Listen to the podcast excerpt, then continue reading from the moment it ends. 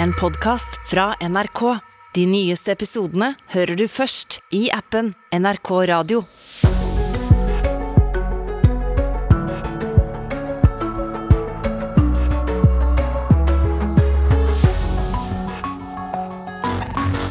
Og med nyhetene fra Anders er Nyhetsmorgen godt i gang her i NRK P2 og NRK1. Vi griper fatt i SAS-streiken. Den pågår fortsatt, og hører mer om hvilke håp det er for løsning i Stockholm. Bøndene fortviler. Strømmen koster 17 ganger mer i Rogaland enn i Trøndelag. Hvem tjener og hvem taper på høye strømpriser, og hva kan vi bidra med i den store energikrisen? Vi spør kraftanalytikeren. Hetebølgen når en topp i Spania i dag. Det kommer til å være 40 grader varmt noen steder, og skogbrannene herjer fra Portugal til Frankrike. I Italia er det unntakstilstand pga. tørken. Vi skal høre med vinbonden i Piemonte hva de gjør med druerankene, og meteorologen hvor lenge det vil vare. Nyhetsmorgen med Ugo Fermariello i dag. Så har vi da lenge hørt om prisforskjellene det siste halvåret i strøm mellom nord og sør i landet, men aldri har den vært så stor som nå. Samtidig tror kraftanalytikere at vi vil få en vinter med høye strømpriser i Sør-Norge. Og noen av de mange som merker dette, er gartneriene. Norsk Gartnerforbund krever strakstiltak.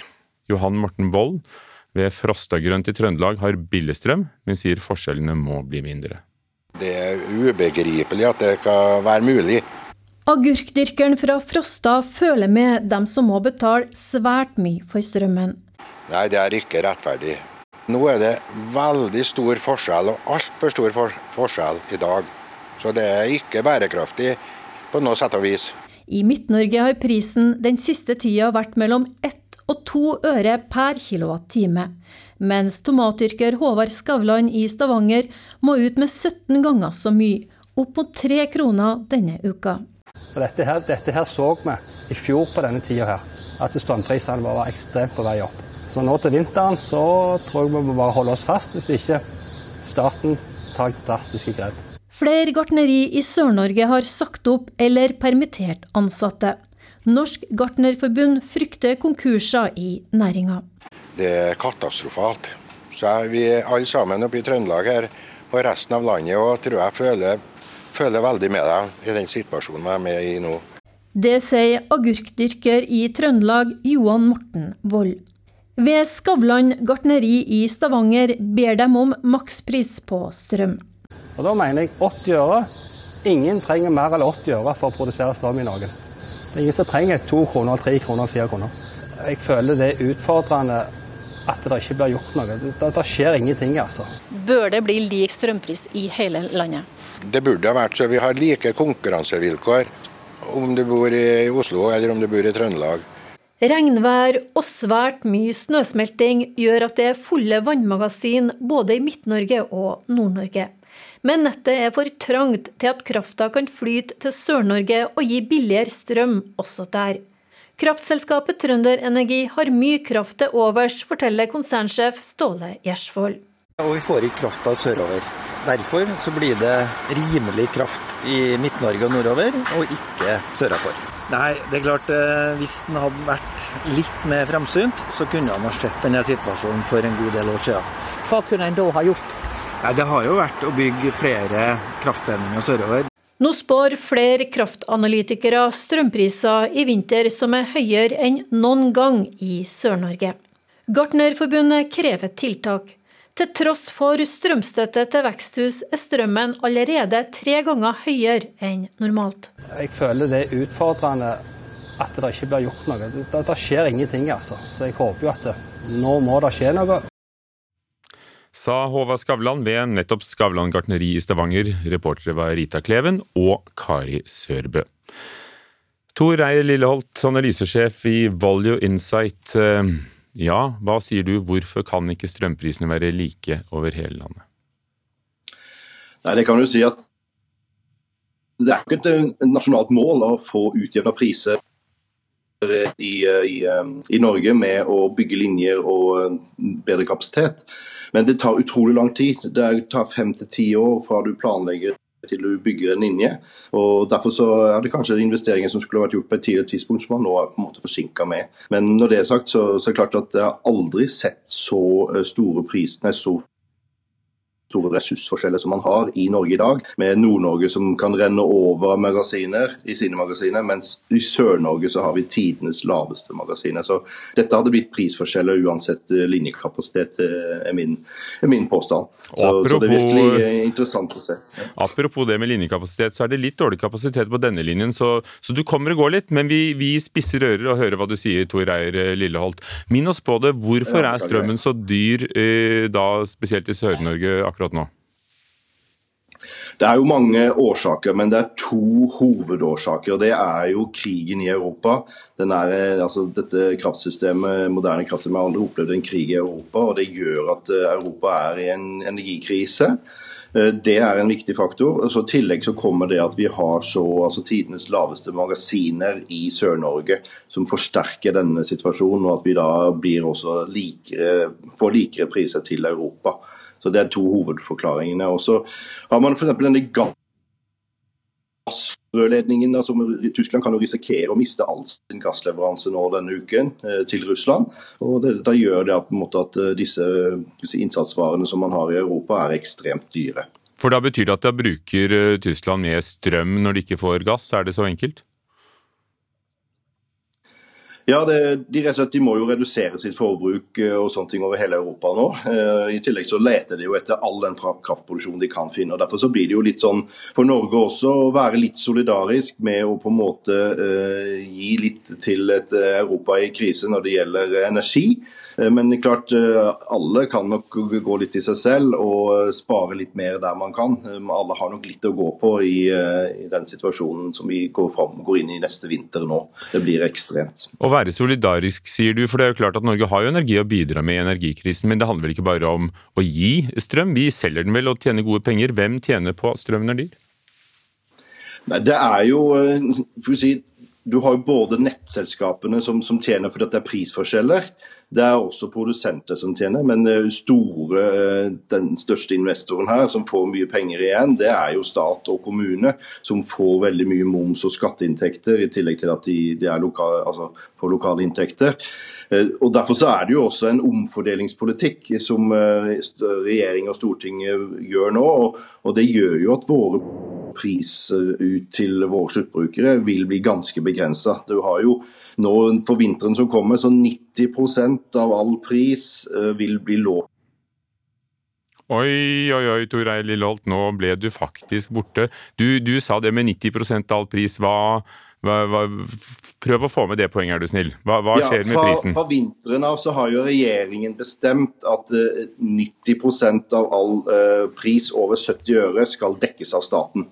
Derfor er det bare 10% igjen som gjør at uh, våre strømregninger er uh, variable på, på hensyn på, på, pris. Så ellers er jo en, en stor fastprisavtale på 70 øre egentlig 90% av Takk skal du ha, Tor Reier Lilleholt, som er altså kraftanalytiker og analysesjef i Volue Insight. Og i mellomtiden så er det altså sånn at det koster 17 ganger så mye for bonden i Stavanger som for bonden i Trøndelag, som vi hørte i reportasjen.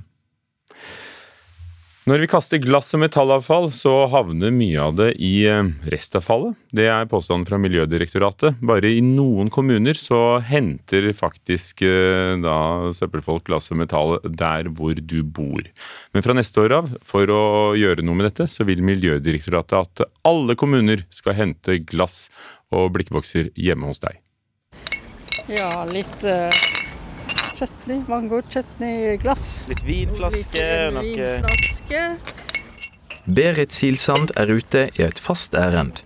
Glassflasker og hermetikkbokser blir dytta inn i returpunktet på Riddervoldsplass i Oslo. Så jeg rydder opp. da er det greit å bli kvitt eh. Ja, ja, ja, at det ikke ligger noe sånn eh, ja, unødvendig skrot rundt omkring. du kjenner deg kanskje igjen. Heime hadde hopa seg opp med tunge flasker, maisbokser og tacosausglass. Å levere det til gjenvinning koster tid og krefter. Ja, kanskje ryker til og med en og annen makrell i tomatboks i restavfallet. Det kan jo være en av grunnene til at en del folk ikke sorterer ut alt glass og metall i dag. Eh, og det er nettopp derfor at vi har foreslått et krav om at det skal være enda nærmere der du bor. Sånn at det er enkelt, og du kan ta det løpende og slippe å samle opp glass og metall til du tar deg en tur til nærmeste turpunkt. Det sier Hege Roth Olbergsveen i Miljødirektoratet. Rundt om i Norge har somme allerede fått egen dunk for slikt avfall. Nå blir innsamling der en bor et krav, i alle kommuner. Ja, Vi har ambisiøse EU-mål som gjelder alle EU- og EØS-landene. og Det innebærer at vi må kaste mindre, vi må bruke ting lenger, og vi må bruke ressursene om igjen. Og Kommuner og næringslivet de må legge til rette for det, bl.a. for å sortere ut glass og metall. Og Det er derfor vi anbefaler de her kravene som et av mange nødvendige grep for å nå målene og bidra til en sirkulær økonomi. I 2019 hadde Norge en gjenvinningsgrad på 41 Det er avfall som blir gjenvunnet i stedet for å bli brent eller kompostert. Om to år er EU-kravet 55% Slik det ser ut nå, vil Norge komme til kort. Da teller hver meter. Henteordning, som vi kaller det, det å hente der folk bor, det betyr at det skal være enten som en fellesløsning i borettslag sameie, eller rett utenfor døra di. Kravet vil òg gjelde hytter og fritidsbosteder, men fremdeles med mulighet for å levere glass- og metallavfall til hytterenovasjon. Miljødirektoratet ønsker den nasjonale gjenvinningsordninga på plass fort. Vi anbefaler at kravet om separat innsamling av glassmetall trer i kraft fra 1.7.2023. Tilbake ved returpunktet på Riddervolls plass får tiltaket støtte gjør de som allerede gjør jobben. Vi bor egentlig like i nærheten, men så vidt jeg kan se, så gjelder jo ikke det alle. Så vi er jo heldige, men det burde være like enkelt for alle andre òg. Og Er det sånn at du av og til uh, jukser litt? Går det noe glass eller metall i restavfallet? Det kan skje, men vi prøver å være ganske bevisst på det. Uh, men som sagt, alt som uh, kan hjelpe folk å gjøre det enkelt i hverdagen, tror jeg er veldig viktig. Og reporter var Bjørne Østrem Djukastein. Kvart over syv, dette er Nyhetsmorgen. Forhandlingene mellom SAS og Flygerforeningen i Stockholm fortsetter klokken ni i dag. Mer enn ni millioner mennesker har krysset grensen fra Ukraina siden Russland invaderte landet 24.2 i år. Og Orkla, konsernet bak kjente merker som Pizza Grandiosa, har også et grandiost halvårsresultat. Det kom nå klokken syv. 1,85 milliarder kroner, det er en vekst på 22 Streiken i SS er altså inne i sitt tiende døgn. Partene møtes klokken ni i Stockholm for å fortsette forhandlingene. De begynte jo allerede i går. Tor Albert Frøsland, eh, reporter. Eh, hvor står partene nå? Ja, De er nå i alle fall ikke enige. Eh, forhandlingsleder hos SAS, Marianne Hernes, hun sier at ting altså Det hele må ta den tiden det tar, men så understreker hun like fullt at det må en eller annen gang komme til en løsning. Men det er vanskelige og kompliserte saker som det da tydeligvis forhandles om. Minn oss på det. Hva er det de forhandler om? Ja, mye av møtet i går gikk faktisk ut på at eh, de måtte bli enige om hva de faktisk da var enige om den gang det var et brudd og det ble en streik. For det gjelder tydeligvis å ha et felles grunnlag for å gå videre i forhandlingene. Og det er grunn til å tro at partene ser muligheten for en løsning, når de nå da like fullt snakker sammen. De gjorde det i hele går, og de har valgt å, fortsette i dag. Flygerne sier på sin side at de har møtt opp for å bidra til å finne en løsning på problemene. Og de har jo hele tiden sagt det, disse 900 flygerne, at det, det handler ikke om, om lønn, men det handler om hvordan arbeidslivet skal være. Så hva vil en enighet ha å si for arbeidslivet? Ja, NTNU-historiker Ingar Kaldal sier til NTB at når grunnleggende ordninger i arbeidslivet står på spill, så har konflikter en tendens til å bli både harde og langvarige. Konflikten i SAS handler om mer enn bare kroner og øre, som du sier. Her er det også viktige prinsipper det forhandles om. Og resultatet av SAS-streiken kan få betydning langt utenfor flybransjen, bl.a. når det gjelder vilkår for ansettelse, rettigheter og ansiennitet. Og det er jo nettopp dette, altså ansettelsen, som er et av de store stridsspørsmålene her. Ja, Kjernen i konflikten er jo da opprettelsen av disse to datterselskapene, SAS Connect og SAS Link. Da pandemien rammet, så mistet jo langt over 500 flygere jobben, samtidig som disse datterselskapene da ble opprettet. Og det er i disse selskapene at SAS-ledelsen eh, mener at eh, selskapet skal vokse i fremtiden, og det er der ansettelsen av flygerne skal skje. Og det er da et irsk underselskap, ikke sant? Det ene av dem er det, ja. SAS Connect det het før SAS Irland. Eh, flygerne på sin side mener at SAS med dette forsøker å omgå forpliktelsene til å hente de oppsagte flygerne tilbake igjen. SAS har på sin side avvist dette, og mener selskapet forholder seg til alle inngåtte avtaler. Men vi skal også være klar over at streiken kommer på toppen av den økonomiske krisen som da SAS er inne i, der selskapet har sagt at eh, de må kutte årlige kostnader med 7,5 milliarder kroner. Samtidig må det hentes i 9,5 milliarder kroner i såkalt frisk kapital. Og så satses det på at gjeld skal omgjøres til aktiva eller aksjer. Tor Albert Frøsland, vi følger med. Du følger med. Takk skal du ha. Og som vi hørte i Nyhetsmorgen i går, i hvert fall den oppmerksomme lytter, så har barn med innvandrerforeldre Det viser seg at det er de som bruker bibliotekene mest. Hovedbiblioteket Drammen kjenner seg igjen i tallene som kom i Kulturbarometeret fra Statistisk sentralbyrå. Der er Irina Demien, hun kommer fra Moldova, og datter Thea på tre år ofte på besøk. Ja, fordi det er jo veldig spennende for barna. Og så fordi vi pleier å låne mange bøker som det jenta vår, liker å lese, spesielt når det er sovetid.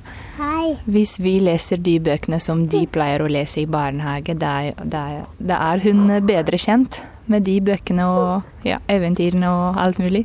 Og hvor ofte bruker dere den plassen her? Ja, vi kommer jo hver søndag. Og nå i sommerferie kommer vi kanskje to ganger i uka. Bare for å komme litt rundt, titte litt, eh, lese litt og ta en pause. Tiger kan få bli med hjem. To skilpadder. Bibliotekar Runar Nylende Huse ved Hovedbiblioteket i Drammen sier at de kjenner seg igjen i statistikken, og at de ofte har besøk av barnefamilier med innvandrerbakgrunn. Eh, ja, så absolutt. Vi kjenner oss igjen i det. Og det er eh, mye med tanke på det å benytte seg av biblioteket som ikke bare et sted for litteratur og kulturelle medier, men også for å bruke det som en møteplass. Da. Hvorfor tror dere innvandrerfamilier er flinkere til å benytte seg av bibliotekene? Jeg tror det har mye med profilen til åssen bibliotekene har. Det har blitt mye fokus på å integrere språkmessig gjennom biblioteket. Mye opplegg og aktiviteter rundt det. Språkkafeer som blir ganske hyppig besøkt. Vi har jo i hvert fall her i Drammen, som har mye feilkulturelle innbyggere, så er det mye språkbøker. Innføringer i språkkurs både i bokform og i audio, CD-er og sånt. Særlig under pandemien kan Huse fortelle at bibliotekene har vært viktige. Når samfunnet stengte ned, så var eh, det veldig tydelig at biblioteket var et veldig sårt tiltrengt møteplass for ulike samfunnslag. Og en av mange som koser seg på biblioteket, er Thea på tre år. Er du glad i å lese bøker, da? Ja. Syns du det er gøy å være her? Ja. Sånn er det på Drammen hovedbibliotek. Reporter der var Veslemøy Prøys. Nidar sjokolade, Toro, Grandiosa. Alt dette tilhører dagligvaregiganten Orkla, og nå for ja, 20 minutter siden la de frem halvårsresultatet. Reporter Maria Jostad, hvordan har det gått? Jo, Orkla de omsatte for 14,3 milliarder kroner, og da fikk de et driftsresultat på 1,85 milliarder kroner. Og hvis vi sammenligner med samme periode i fjor, så omsatte Orkla da for 11,77 milliarder kroner, og hadde et resultat på 1,26 milliarder kroner. Så dette er jo bedre tall. Orkla består av mye. Vi nevnte to merkevarer eh, som gjelder mat. og Det handler jo mye om eh, matvarepriser. Det er mange som merker at de har eh, gått opp om dagen. Og Hvordan har det gått med Orkla Food, som da er en del av konsernet?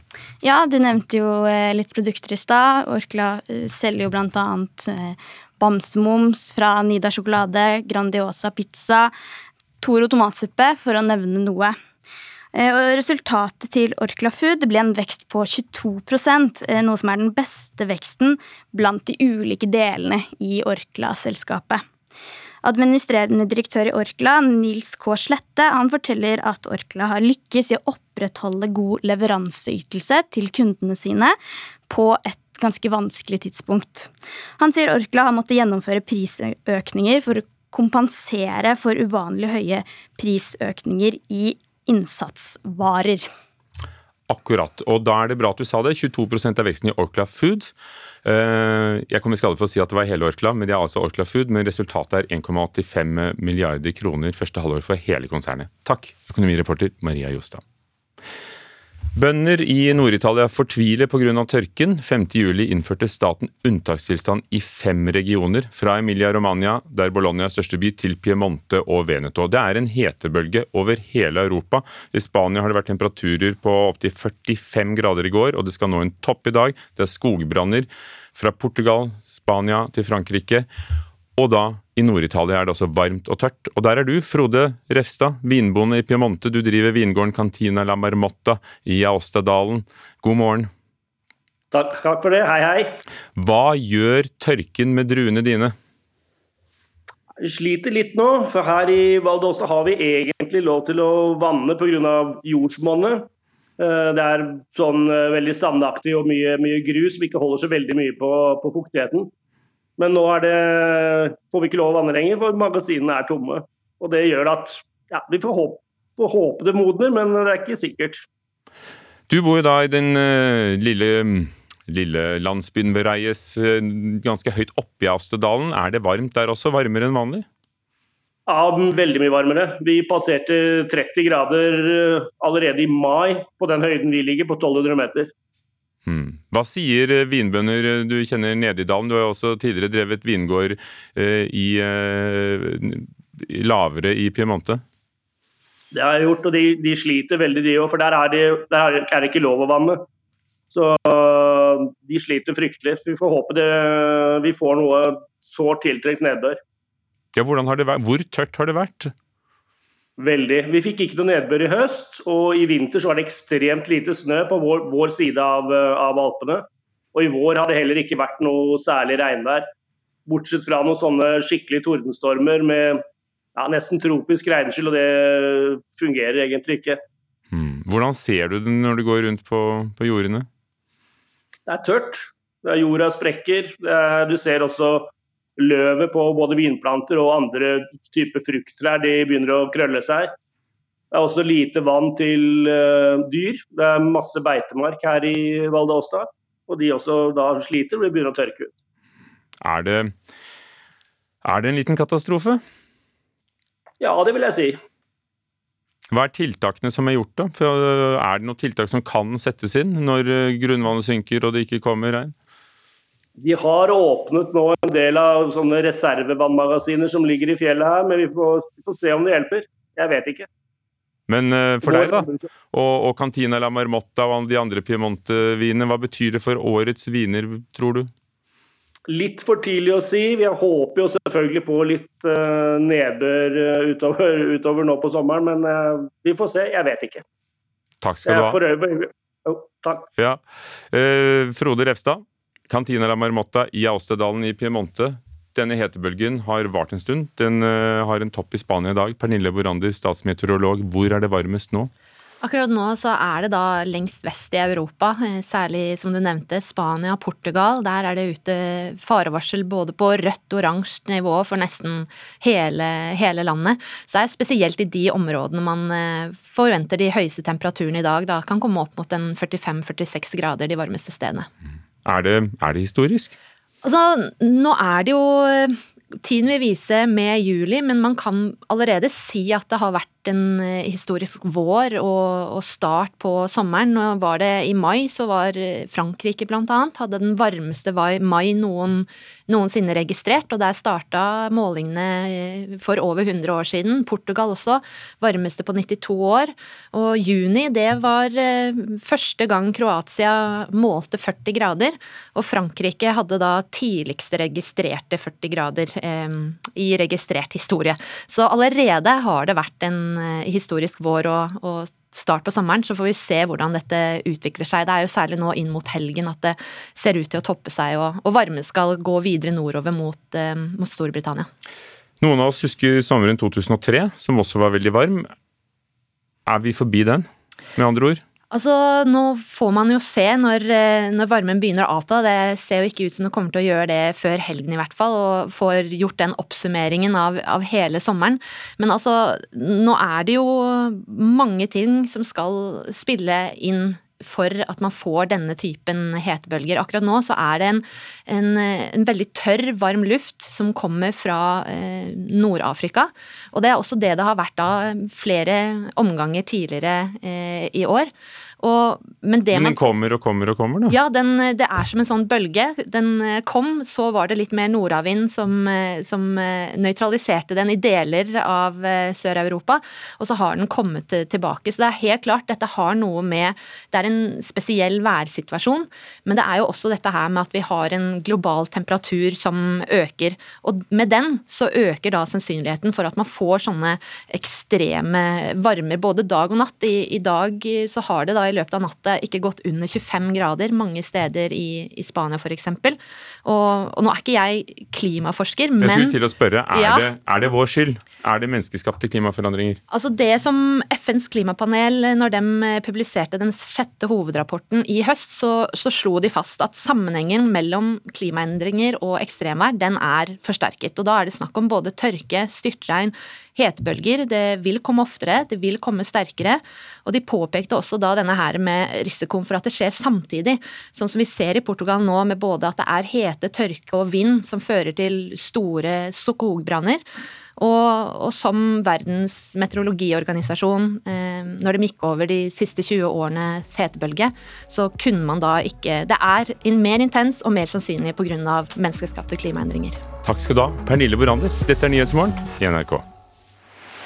En podkast fra NRK.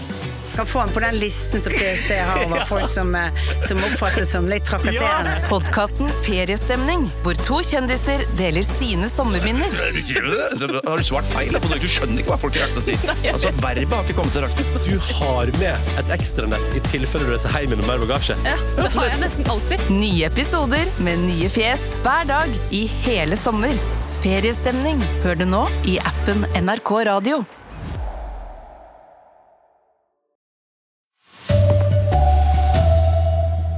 Gartnere vil ha strakstiltak mot store prisforskjeller på strøm. Det er ubegripelig at det kan være mulig. Sri Lanka er på bristepunktet. Hæren settes inn for å roe sinte demonstranter. Og For mye glass og metall havner i restavfallet. Fra neste år kan alle få en egen dunk til dette utenfor boligen. God morgen, her er NRK Dagsnytt. Klokka er 7.30. Aldri før så har det vært så store forskjeller i strømprisen mellom nord og sør her i landet, og nå spår kraftanalytikere en knalltøff vinter med høye strømpriser i Sør-Norge. Norsk Gartnerforbund krever strakstiltak. Johan Morten Wold ved gartneriet Frostagrønt bor i Trøndelag og nyter godt av billigstrøm, men også han sier at dette ikke kan fortsette. Det er ubegripelig at det kan være mulig. Agurkdyrkeren fra Frosta føler med dem som må betale svært mye for strømmen. Nei, det er ikke rettferdig. I Midt-Norge har prisen den siste tida vært mellom ett og to øre per kilowattime, mens tomatdyrker Håvard Skavlan i Stavanger må ut med 17 ganger så mye, opp mot tre kroner denne uka. Så nå til vinteren så tror jeg vi må bare holde oss fast, hvis ikke staten tar drastiske grep. Flere gartneri i Sør-Norge har sagt opp eller permittert ansatte. Norsk Gartnerforbund frykter konkurser i næringa. Det er katastrofalt. Så vi alle sammen oppe i Trøndelag her og resten av landet og tror jeg føler, føler veldig med deg i den situasjonen jeg er med i nå. Ved Skavlan gartneri i Stavanger ber de om makspris på strøm. Og Da mener jeg 80 øre. Ingen trenger mer enn 80 øre for å produsere strøm i Norge. Det er ingen som trenger 2 kroner, 3 kroner, 4 kroner. Nå spår flere kraftanalytikere strømpriser i vinter som er høyere enn noen gang i Sør-Norge. Gartnerforbundet krever tiltak. Til tross for strømstøtte til veksthus er strømmen allerede tre ganger høyere enn normalt. Jeg føler det er utfordrende at det ikke blir gjort noe. Det, det skjer ingenting, altså. Så jeg håper jo at det, nå må det skje noe. Reportere her, det var Rita Kleven og Kari Sørbø. Det er stat og kommune som tjener mest på de høye strømprisene. Det sier analysesjef Tor Reier Lilleholt i Volu Insight. du har jo både nettselskapene som, som tjener fordi det er prisforskjeller. Det er også produsenter som tjener, men store, eh, den største investoren her som får mye penger igjen, det er jo stat og kommune, som får veldig mye moms- og skatteinntekter, i tillegg til at de, de lokal, altså får lokale inntekter. Eh, og Derfor så er det jo også en omfordelingspolitikk som eh, regjering og storting gjør nå. og Det gjør jo at våre priser ut til våre sluttbrukere vil bli ganske begrensa. Du har jo nå For vinteren som kommer, så 90 av all eh, pris over 70 øre skal dekkes av staten. Derfor er det bare 10% igjen som gjør at eh, våre strømregninger er eh, variable på, på hensyn på, på pris. Det sa analysesjef Tor Reier Lilleholt i Volu Insight. Så skal vi utenriks, for eh, den politiske krisen eh, på Sri Lanka den fortsetter. Presidenten har erklært unntakstilstand og rømt, og statsministeren sier nå at han setter inn hæren for å få kontroll på situasjonen. Hundrevis av demonstranter stormet i går statsministerboligen på Sri Lanka og tok seg inn på en TV-stasjon. Det skjer bare få dager etter at demonstranter også stormet presidentboligen. Landet er nå på bristepunktet. Natt til onsdag flyktet president Gotabaya Rajapaksa til Maldivene, og uroen på gatene har bare fortsatt siden da. President Rajapaksa sa han ville gå av, og utnevnte statsminister Ranil Vikremesinghe til fungerende president. Men demonstrantene mener nylig utnevnte Vikremesinghe, som også er finansminister, bare er en del av problemet. Sri Lanka går gjennom en av de verste økonomiske krisene på flere tiår. Enorm prisvekst, en mangel på mat og drivstoff og hyppige strømbrudd er en del av hverdagen. Helsesystemet er lammet av en mangel på medisiner, busser og tog står stille, og skolene er stengt. Regjeringens handlingsrom er lite, den har ikke klart å tilbakebetale flere lån fra utlandet. Nå sier statsminister Vikremesinghe at han setter inn hæren for å få kontroll på landet.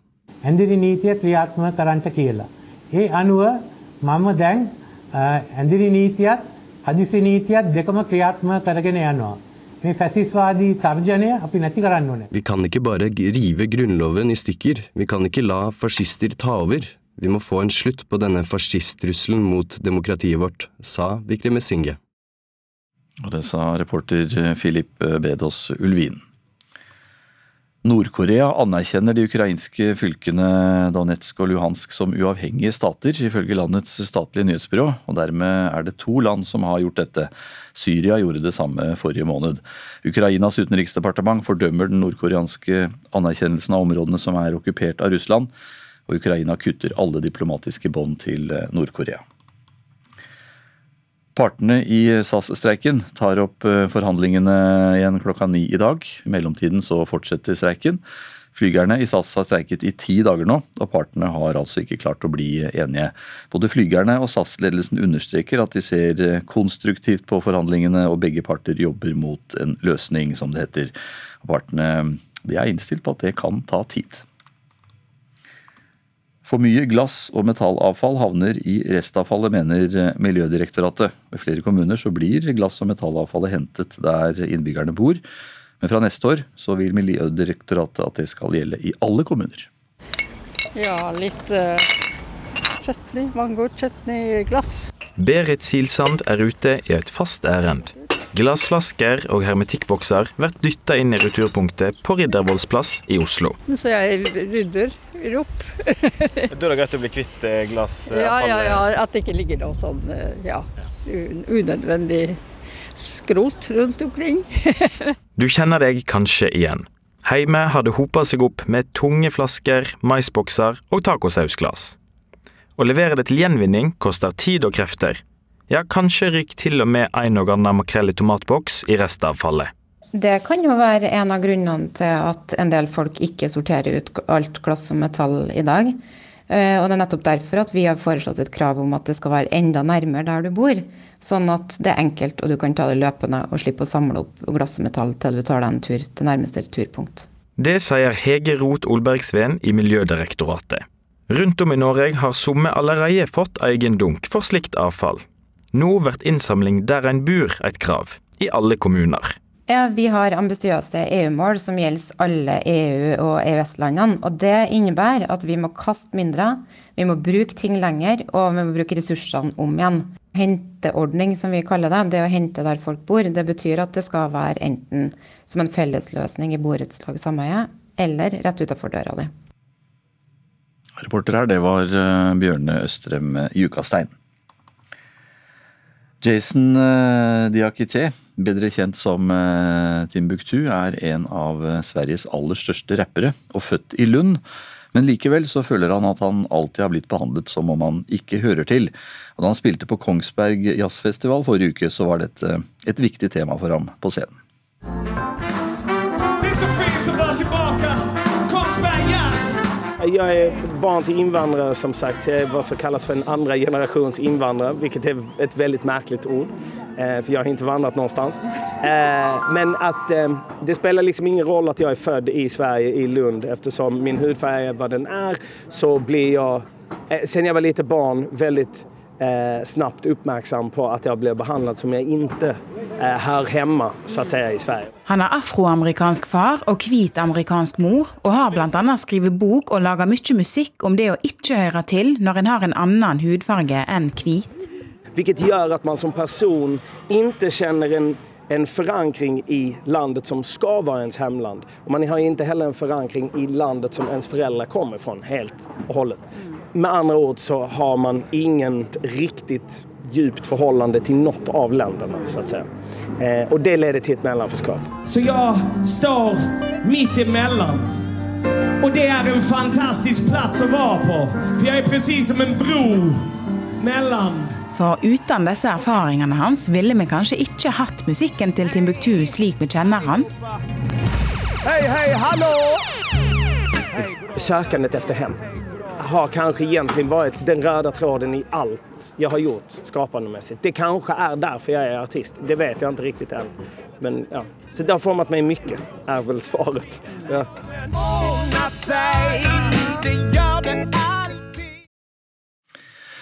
Reporter eh, her, det var eh, Ida Yasin eh, Andersen. I dag så er det Silje Sande som har ansvaret for NRK Dagsnytt. Jeg heter eh, Anders Borgen Werring.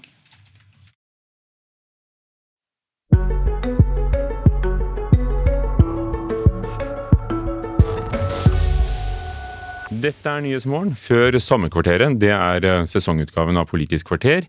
Skal vi ta fatt i noe som har eh, plaget mange i, i ganske lang tid, nemlig at det tar lang tid å få tatt førerprøven mange steder i Norge. Helt siden pandemien har eh, Statens vegvesen hatt stor etterspørsel etter folk som vil kjøre opp. 18-åringen Ina fra Bergen har ventet fem måneder på å få time til førerprøven. Jeg eh, søkte om oppkjøring eh, via kjøreskole i april. Og nå er vi i, midt i juli ca., og jeg har fått oppkjøring i midten av september. Drømmen om å få førerkortet har blitt satt på vent i snart fem måneder. Ina Nesdal Haugum er elev ved Fyllingsdalen trafikkskole i Bergen. Sammen med kjørelærer har de siden april forsøkt å nappe første ledige time til førerprøven, uten å lykkes. Det er jo utrolig kjipt da, når man eh, har noe man gleder seg til å få i boks. Kjøreskolene opplever et enormt press. Faglig leder ved Fyllingsdalen trafikkskole Eirik Kråkevik beskriver situasjonen som frustrerende. Veldig mye press, og det er jo et resultat av eh, covid og det som har skjedd der med at flere vil ha førerkort. Ja, OK, nå var det ikke ledig i dag. Ok, Jeg får sjekke i morgen. I overmorgen. Sånn som jeg holder på med deg. Til tider så sjekket jeg hun hver eneste dag. For du aner ikke når de legger de ut engang. Så jeg er veldig frustrert over dette. De er ikke alene om det. Ifølge Statens vegvesen har de siden 2020 hatt en stor pågang, spesielt i Oslo, Bergen, Trondheim og Stavanger. Nå er det sånn, i hvert fall rundt de store byene våre, at alt vi legger ut av førerprøve, det, det forsvinner. Det blir tatt ganske fort. Torbjørn Brosevik, seksjonssjef for Vest, sier at de jobber med saken. Vi har prioritert førerprøver. altså Førerprøvesensorene har hatt nesten utelukkende det som sin oppgave. Eh, vi har kjørt overtid både på vekedager og eh, lørdager. Eh, og så tilsetter vi så mange nye sensorer som vi klarer å utdanne nå. Men i mellomtiden er de avhengige av å låne sensorer fra mindre plasser. For Vestlandet sin del vil det komme førerprøvesensorer fra de mindre stasjonene, fra Sogndal, Førde, Nordfjordeid, eh, Voss, Odda til f.eks. Bergen og Stavanger, for å ta unna køene der. Mange opplever også at vandelen deres går ut før de får ledig time. Det er en godkjenning fra politiet som må være gyldig før førerprøven. Godkjent vandel varer i seks måneder. Ina måtte vente på ny godkjent vandel før hun kunne melde seg opp til førerprøven, og det tok sin tid. Da må jo man ringe og spørre om den vandelen kan bli godkjent på nytt. Maksimalt av tid de kan bruke på å godkjenne vandelen, det var så lang tid de brukte med meg på nytt igjen.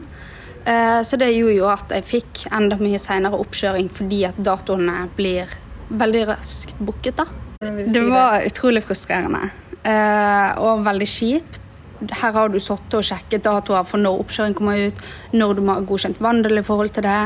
Jeg har reist eh, hjem til Norge i ferie da jeg har vært på utveksling for å ta teorien, sånn at jeg skal være klar med en gang. da. Så det er vel mest til at det er kjipt, egentlig. Den lange ventetiden har vært ekstra dyrt for henne. Det er jo det at det kan bli mye dyrere eh, hvis jeg må ha flere kjøretimer, i og med at oppkjøringen er så seint. Jeg håpte jo på å få i slutten av juli, som sagt. Eh, eller starten av august. Nå vil Ina legge all stresset bak seg og fokusere på oppkjøringen i september. ja, jeg gleder meg veldig mye. Det virkelig, jeg tror det er den tiden jeg ser mest frem til i år. Sa Ina Nesdal Haugum til reporter Rosa Sadiq Bawan i Bergen. Sommer i P2.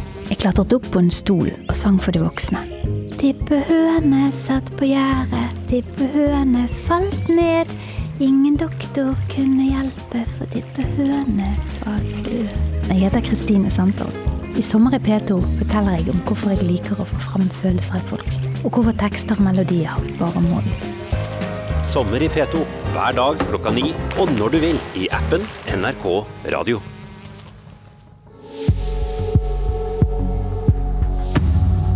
Klokken nærmer seg kvart på åtte. Dette er Nyhetsmorgen. Det blir nye forhandlinger med, mellom flygerne i SAS og ledelsen klokken ni i Stockholm i dag. Det er streik på tiende døgnet. Mer enn ni millioner mennesker har forlatt Ukraina siden Russland eh, gikk til eh, krig mot landet 24.2 i år. Det er 22% av befolkningen. Og vi skal nettopp til Ukraina i løpet av Nyhetsmorgen. Men nå Sommerkvarteret her i Nyhetsmorgen, i dag med Håvard Grønli.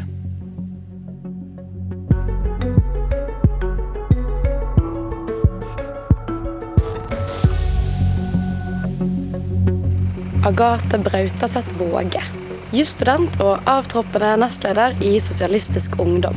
For å snakke med en student har vi sett oss utendørs på balkongen til en kafé på studentbyen Kringsjå i Oslo. Blant blokkene der de unge håpefulle bor. Alder? 24. Tiden flyr. på den varme asfalten under balkongen parkerer en søppelbil for å tømme glasskonteineren. Fangsten er god. Au. Nei, det er jo litt studentfester og sånn, da, så jeg kan se for meg at uh, det var det. du um, er på vei til å bli jurist. Hva tenker du du skal bruke utdanninga di til? Alt jeg gjør, gjør jeg jo for å hjelpe de av oss som ikke har ressursene til å kjempe for seg selv. Og jeg har et overskudd, og da har jeg lyst til å bruke det på å hjelpe de folkene som trenger det. Så det håper jeg å kunne gjøre som jurist eller advokat, eller hva, hva jeg ender opp med å bli. Agathe Våge har vært en av nestlederne i Sosialistisk Ungdom siste to åra.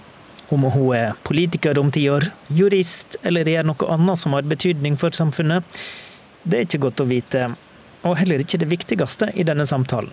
For i dette intervjuet er vi mest nysgjerrig på hvordan det er å være ung og engasjert, og til dels bekymra for de store spørsmåla, og samtidig ha andre svar enn de du omgir deg med.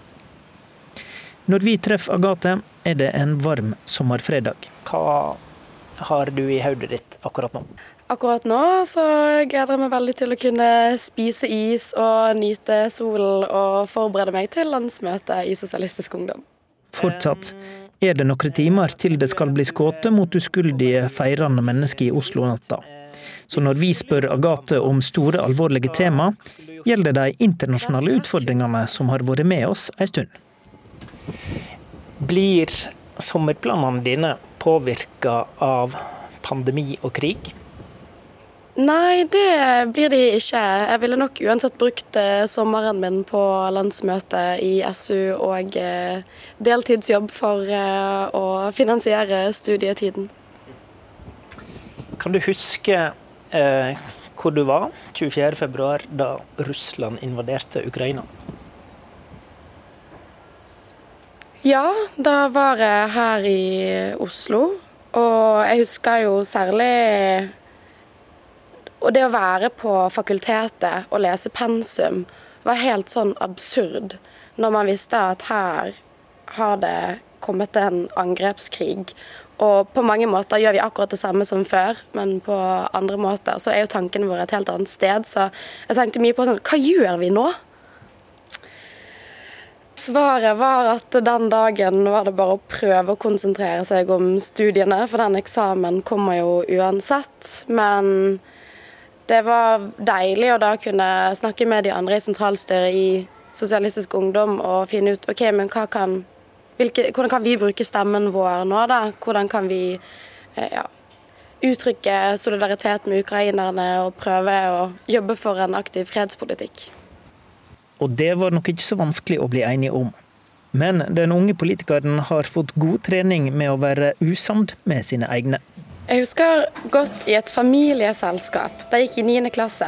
Så hørte jeg familiemedlemmene mine diskutere farge på gardiner og interiør og sånn. Noe jeg for så vidt egentlig syns er interessant, men der og da så klarte jeg bare å tenke på det er krig i verden, folk sulter, det er en klimakrise. Hvorfor snakker ikke vi om det? Og jeg ble veldig frustrert. Og så i etterkant av det så skjønte moren min at kanskje Agathe trenger et sted å engasjere seg og få ut disse følelsene og tankene. Så da ble jeg først med i Natur og Ungdom, og så etter hvert så Jeg testet ut litt ulike ungdomspartier, og så landet det på Sosialistisk Ungdom. For jeg var på et medlemsmøte, og da plutselig opplevde jeg at de som var der, beskrev verden slik jeg så den, men hadde aldri klart å finne de ordene før. Så det var egentlig en ganske sånn euforisk opplevelse å, finne det fellesskapet.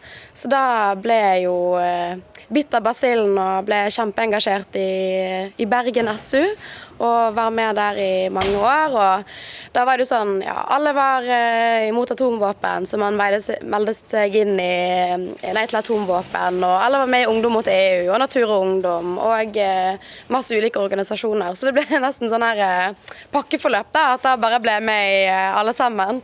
Så på et punkt tror jeg var med i sånn 10-15 ungdomsorganisasjoner. Jeg var kanskje bare aktiv i fem av de, og det syns jeg var helt topp. Men så etter hvert da, så for jeg tenkte jo at ok, men vi har samme verdenssyn, så da mener jeg det samme som alle de andre her. Men, men etter hvert så merket jeg at uh, f.eks. knyttet til EU, da, så ble jeg litt usikker på Ja, men er jeg enig i dette? Er jeg enig i at EU skal være så ille som de skal ha det til? For jeg klarte liksom ikke å gå helt med på problembeskrivelsen. Så jeg meldte meg ut av Ungdom mot EU og, og prøvde å, å, få litt diskusjon. da, ja, men Hvorfor er EU så ille? Sånn, hva kan vi gjøre i stedet?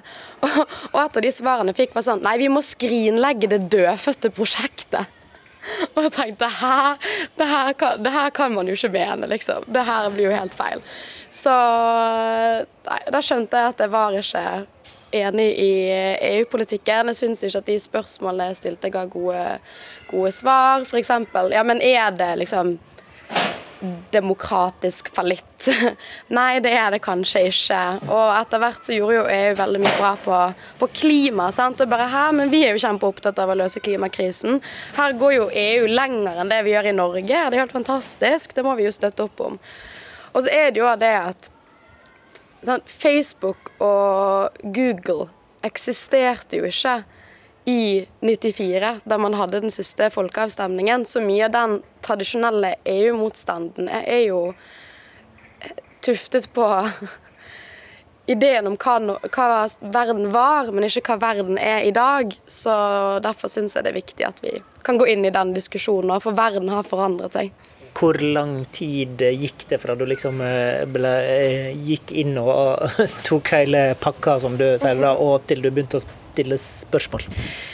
Nei, pakkeforløpet det var helt i starten, eh, så det var vel i 9. eller 10. klasse. Og så var det etter eh, ett eller to år at jeg begynte å tenke litt mer kritisk. For da, I begynnelsen var jeg veldig opptatt av å lære så mye som mulig, for det var jo masse jeg ikke kunne om verden og politikk. Men så etter hvert så fikk jeg jo mer eh, kritiske tanker selv. Så det var vel etter jeg hadde vært med i ca. halvannet år, da. I starten, da, når du på en måte um, aksepterte det verdensbildet som hele pakka ga deg, hva, eh, hva tenkte du om EU da? Da tenkte jeg at EU det er bare rike, dresskledde kapitalister i Brussel som gjør alt de kan for økonomisk vekst og profitt. Og det er en dårlig måte å styre verden på, syns jeg. Men så fant jeg jo ut etter hvert at det er ikke helt sånn EU funker. Og at mye handler jo om at mennesker skal kunne bevege seg fritt over landegrenser. Og det handler om å ja, gjøre det lettere å danne et fellesskap i Europa. Og det syns jo jeg er veldig fine verdier. Men hvis vi holder litt fast i, det du tenkte den gangen, er det noe av det du tenkte når du var EU-kritisk som du fortsatt er enig i? Det er jo helt riktig at EU er en økonomisk union der målet er, er økonomisk vekst. Det er jo et uttrykk for kapitalismen i dag, men Omtrent hele verden er jo kapitalistisk, sant? så selv om jeg er sosialist og vil jobbe for en sosialistisk verden, så må vi også forholde oss til det systemet vi lever i, og heller prøve å sakte, men sikkert forandre det. Så rett og slett regulere det så mye som mulig, sånn at vi får en mer rettferdig verden. Da. Men hva var det som endra deg, da? Var det verden som endra seg, eller var det EU som endra seg, eller var det du som endra deg? Det var en kombinasjon, fordi EU har jo også utviklet seg. Det er særlig arbeidet med Green New Deal om å gjøre Union utslippsfri. Um, det er jo kjempeviktig, fordi klimakrisen er jo den største utfordringen vi står overfor akkurat nå. Hvis vi ikke klarer å løse den, så går verden til helvete. Da brenner skogene våre ned, dyreartene dør ut. Det kan bli ulevelig for ja, mennesker og dyr. Så det er dritviktig at vi får løst det, og da må vi bare gjøre alt vi kan. Så da må jo vi heller gå inn i EU og være med på på å finne løsningene. Men hvis de som ikke vil dit du vil i klimapolitikken, får makta i EU, da, er EU bra da? Det blir jo også litt som å si at eh, hvis man velger inn masse folk på Stortinget som eh, ikke vil gjøre nok for eh, klimapolitikken, er Stortinget bra da? Og det er jo realiteten i dag at eh, flertallet på Stortinget har ikke en god nok klimapolitikk. Så det handler jo om flertallet og ikke institusjonen, kan man si. SV står i mange vanskelige diskusjoner om utenrikspolitikk. Partiet var delt da de støtta våpenleveranser til Ukraina. Agathe var for. Nå drøfter partiet Nato-standpunktet sitt. Hun mener Nato gjør mye drøyt, men ser ikke noe alternativ til medlemskap nå. Det er EU-standpunktet hennes som skiller seg mest ut. Men hun ser ikke noe stort problem med å skilje seg ut. Nei, det går helt fint, det. Jeg vet jo at det er veldig mange i SV som er enige. Men så har det ikke vært så aktuelt å løfte det standpunktet før. For det har jo ikke vært en ordentlig EU-debatt på veldig lenge. Merker du noen bevegelse i partiet og, i, og på, på venstresida? Altså at er det flere som diskuterer EU-standpunkt nå? Ja, det er jo mer aktuelt. For nå kan man plutselig ikke lenger bare avfeie EU. Nå må man gå mye mer inn i diskusjonen og faktisk se ja, men hva er det EU gjør som funker, hva er det de gjør som må bli bedre, og hvordan kan vi prøve å forandre det. Så ja, jeg opplever at det er mer diskusjon om det nå. Opplever du at folk er på vei fra nei til ja? da? Det var en jeg snakket med, og da jeg sa at jeg var positiv til EU, så sa hun oi, nå må jeg plutselig tenke gjennom dette her på nytt. For hun hadde kanskje hatt litt samme opplevelse som meg, at man er med i det her, det her pakkeforløpet. Ja, men alle er jo mot EU, så da er jeg mot EU. Og da hun plutselig hørte at å ja, nei, det er folk i SV som er positive til EU, så merket hun at da måtte hun liksom gå litt ordentlig inn i saken selv, da. Er du optimist eller pessimist når du ser på verden? Jeg er realist. Vi må se på verden som den er. Men det er jo noen helt gigantiske utfordringer vi står foran. Men det har vi mennesker opplevd før. Eh, det har også vært verdenskriger der alt har virket helt håpløst, og så har vi klart å komme oss gjennom det. Så jeg har en grunnleggende tro på menneskers evner til å finne løsninger og eh, hjelpe folk. Så jeg tror at hvis vi jobber hardt, så går det bra. Er det noe du er redd for? Jeg er dritredd for eh, klimaendringene, og jeg er dritredd for krig. Så jeg håper at vi får stoppet begge deler. Da min generasjon var på din alder, da hadde Berlinmuren nettopp eh, falt, og det var en veldig sånn optimistisk fase, på en måte. Mens du har uh, sittet to år inne med pandemi og har prøvd å studere, og når du kom ut, så er det krig i Europa. Hvordan tror du erfaringene eh, vil prege din generasjon og dere som skal styre verden og landet i neste omgang? Det er nok mange av oss som føler at alt går til helvete. Og det skjønner jeg, det skjønner jeg godt.